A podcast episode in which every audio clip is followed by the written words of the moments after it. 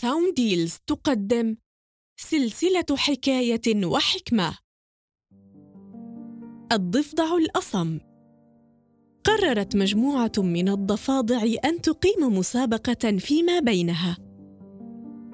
وكانت المسابقة تقضي أن الضفدع الذي يتسلق البرج يكون هو الضفدع الفائز. تجمعت الحشود في اليوم التالي. وعلت أصوات الضفادع قائلة مستحيل أن يستطيع أحد تسلق هذا البرج. بدأ السباق وأخذت الضفادع تتسلق والجمهور يقول مستحيل لن ينجح أحد.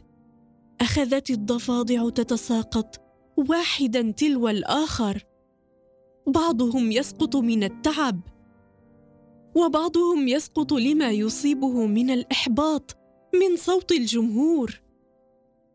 وعندما سقطت كل الضفادع بقي ضفدع واحد يتسلق بهمة ونشاط. كانت الأصوات تعلو أكثر فأكثر. مستحيل أن يصل إلى القمة. ولكن الضفدع تابع تسلقه بخفة ورشاقه إلى أن وصل.